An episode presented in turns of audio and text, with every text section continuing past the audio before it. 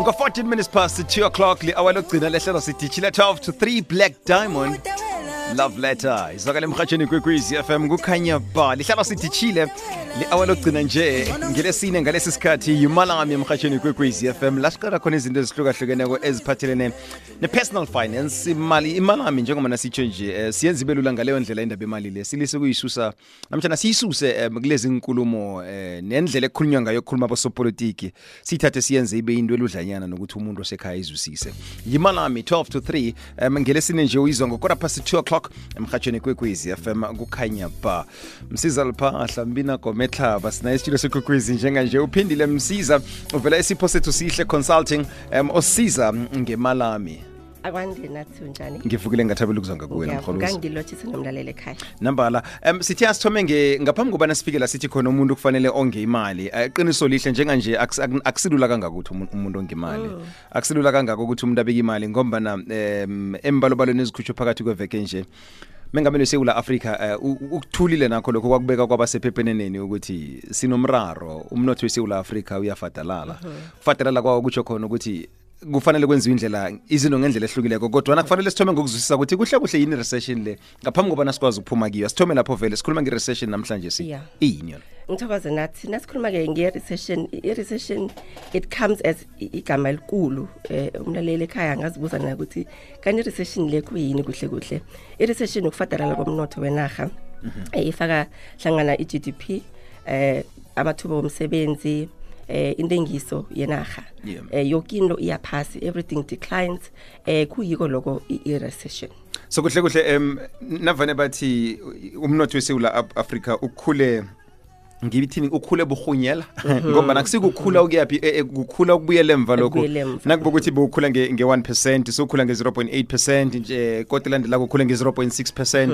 So akusikukhula ukuyaphi ukhula nje Ubuyele emva. eh, kube zinyanga angithi amakhota amabili alandelana bese-ke naseyinjalo-ke khe kukhulunywe nalapho khunye khe kukhulunywe nge-technical recession recession ngilokhu uqeda ukukuveza bese technical recession vele i-technical recession is it, it's a temporary situation. Okay. eh iyafana ne-recession but it's a temporary recession. Yona ke iyenzeka eh ekoteni kabili eh ngokulandelana. Okay. Ya umehluko ngilo. Oh. i-technical recession yenzeka ekoteni kabili ngokulandelana ingakho i- i- i- i- kuba nesikhathi la sizwe khona bathi we are now in a technical recession. Okay. and then we are back again in recession but it's not a technical recession.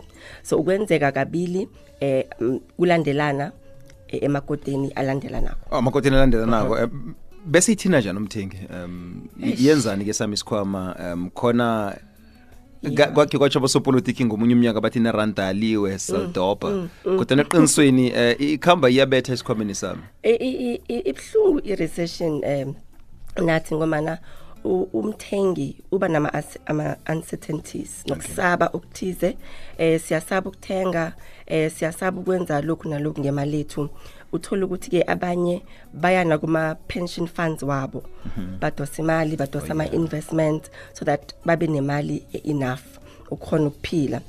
Okhunye ke ekwenzako uthola ukuthi umuntu akasasebenzisa imali yakhe ngendlela ajwayele ukuyisebenzisa ngayo so woke umuntu ubambelele emalini yakhe angisho asazi ukuthi kuyokwenzakalani Oh, yeah, kusasa oh, yeah. kuyo- Nabasisi abasabeki ima- Nabasisi abasa-investi abasabeki kuhle imali. kuhle, now yeah. the problem with that ukuthi nasele silapho Mm. i- i- i-recession le it can prolong ingakhamba isikhathi ngombana akusenamali esiyibulungako akusenamali esiyibekako Esi- esi-investako etshalwakoetshalwako injalo um eh, imali ethu sifuna sesihlale siyibambile siyisebenzisa kancane because asazi ukuthi what is the future oh, holding for oh, us. Oh, uh-huh. no uyibeke kuhle ngobana um khe kwavela ukuthi eh, nase uqala njenganje um ama ama amakampani amaningi wangaphetsheya kuba budisi kiwo ukuthi eza zokufaka imali ekhaya injalo. lokho nakangana siqiniseko sokuthi umnotho uza kubanjani kusasa Yes. yeke nasikhuluma ngokuthi eh, eh, nasiqale nokuthi amathuba omsebenzi atlhayela kangaka nenkampani ezifanele ngathani ziyasisa ezivela ngaphetsheya Ne- nezakhona ekhethu apha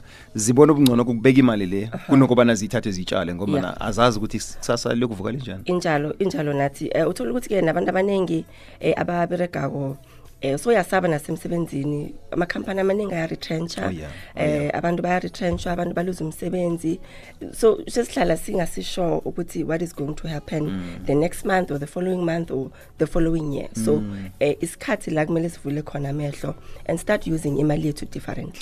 Ukuthi sisebenzise ngendlela ehlukileko njalo konjalo imali kutsho khona ukuthi kufanele kube ne- ne- ne- nendlela engafani nalesiyijayeleko le. Isikhathi se recession senzani ngemali? Siyisebenzisa njani imali? Kufanele sitsheje ini nani? Um ngamaphuzu amane ukuthoma kufanele ukuthi sithome ukwakha ama-emergency funds.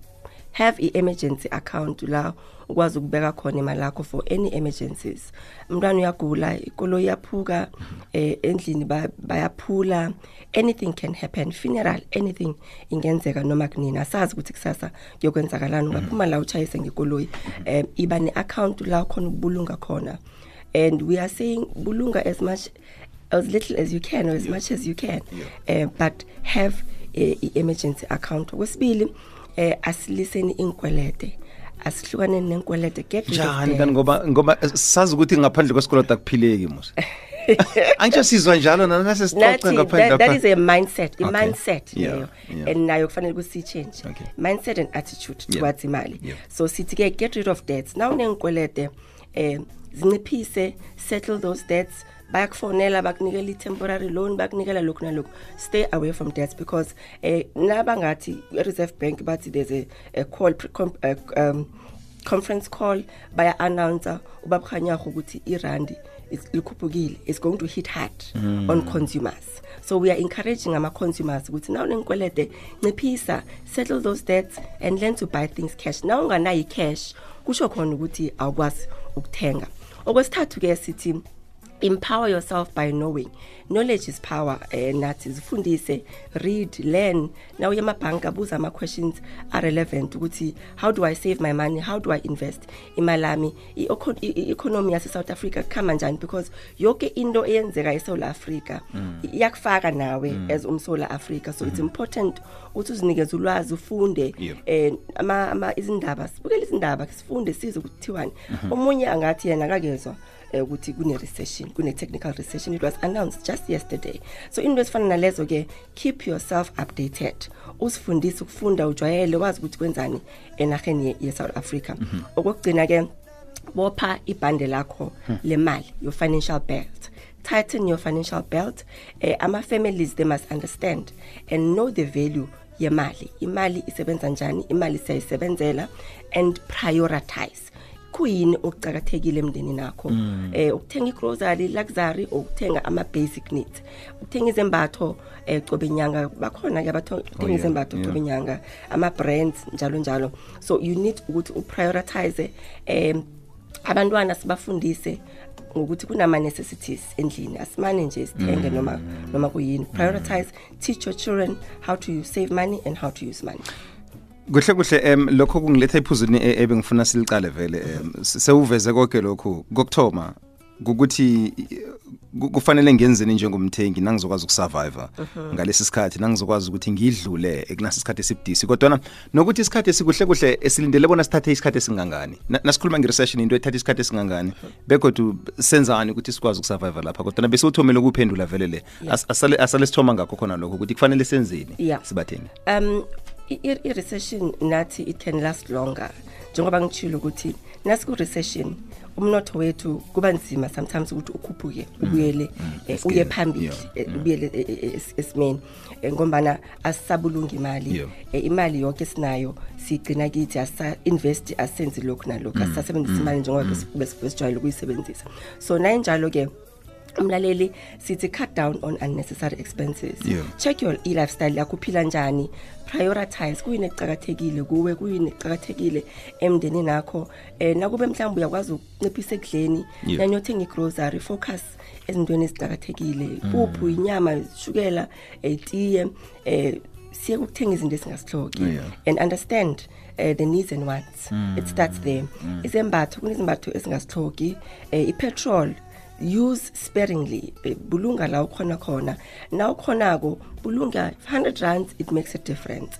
Njengoba ngikhuluma ngama emergency um accounts bulunga 100 rands bulunga 50 rands it makes a difference. If ukwazi ukuthenga i takeaway eh ye100 rand ngelanga kunabantu abaphathi abangaphathi isikhaftini umuntu every day uthenga ama takeaways eh, in a week we spend more than 500 500, rand. yeah, in a month you spend more than 2000 rand. So asibuyeleni emuva check what is important Mm. na uthenga igrocery uyakwazi ukwenza isikhaftini isembatho awuhloki isembatho cobe cobe inyanga izinkwelede cut down on those unnecessary Mm. things i-lifestyle yakho eh vane ngithi asisafani nalokhu yasiku 2000 siku we are in 2020 Mm. izinto zihlukile we are in recession ne-mindset yethu yemali nathi kufanele ukuthi siyichange Yeah. siyenze izinto eh, ngo- singasafani nangoye 2000 let us use our money wisely let us be wise with our money. Kuhle kuhle. Ithoma vele khona apho ukuthi um chugulula indlela oqabanga ngayo chu- chugulula indlela owenza ngayo. Ngoba nengikhathi zijugulukile. Nawenza izinto ngendlela obuwenza ngayo izolo ngebhadi uzokufumana imiphumela eminingi ngasemnandi njenganje injalo nathi. Namsiza sikuthola njani thina eh lokhana sifuna ukukulandela kuma social media platforms? Nasifuna nanifuna ukusilandela ningasithola kusipho sethu kufacebook siyatholakala sipho sethu consulting ku-instagram satholakala sipho sethu. Sipho Sethu nomtshana Sipho Sethu Sihle. Sethu sihle. Ngikhumbuza igama leka- sipho sethu consulting siyatholakala kufacebook naku-instagram. Nabafuna ukusidosela umtato bangasidosela umtato ku-065 909 7786 065 909 7786 namkha nabafuna ukusithumela ama-whatsapp. Bangasithumela ama-whatsapp yona le namba engiceda ukuyibiza. Nabafuna ukusithumela ama-email sipho sethu sihle 1 at gmail com. Sipho sethu sihle 1 at gmail com. And let us be fluent in our finances Ngiyathokoza. mbina kometlava ngomalilanga kabetshwa 25 minutes past 2 o'clock. Nguphindile msiza besikhuluma naye emhatsheni kwekwezi FM yimalami. Khumbula uyalifumana ihlelo njenge-podcast ku-www ikwekwezfm co za sipha eh abosonkuni bebethu bayagijima amalanga la. Sipha pheze bekube ngu-3 o'clock. Napa batsunya ilihlo sonkuni phela kuncinzela ilihlo lapha. 3 o'clock uzabe sewulifumana eh, nalihlelo ku-www ikwekwezfm co za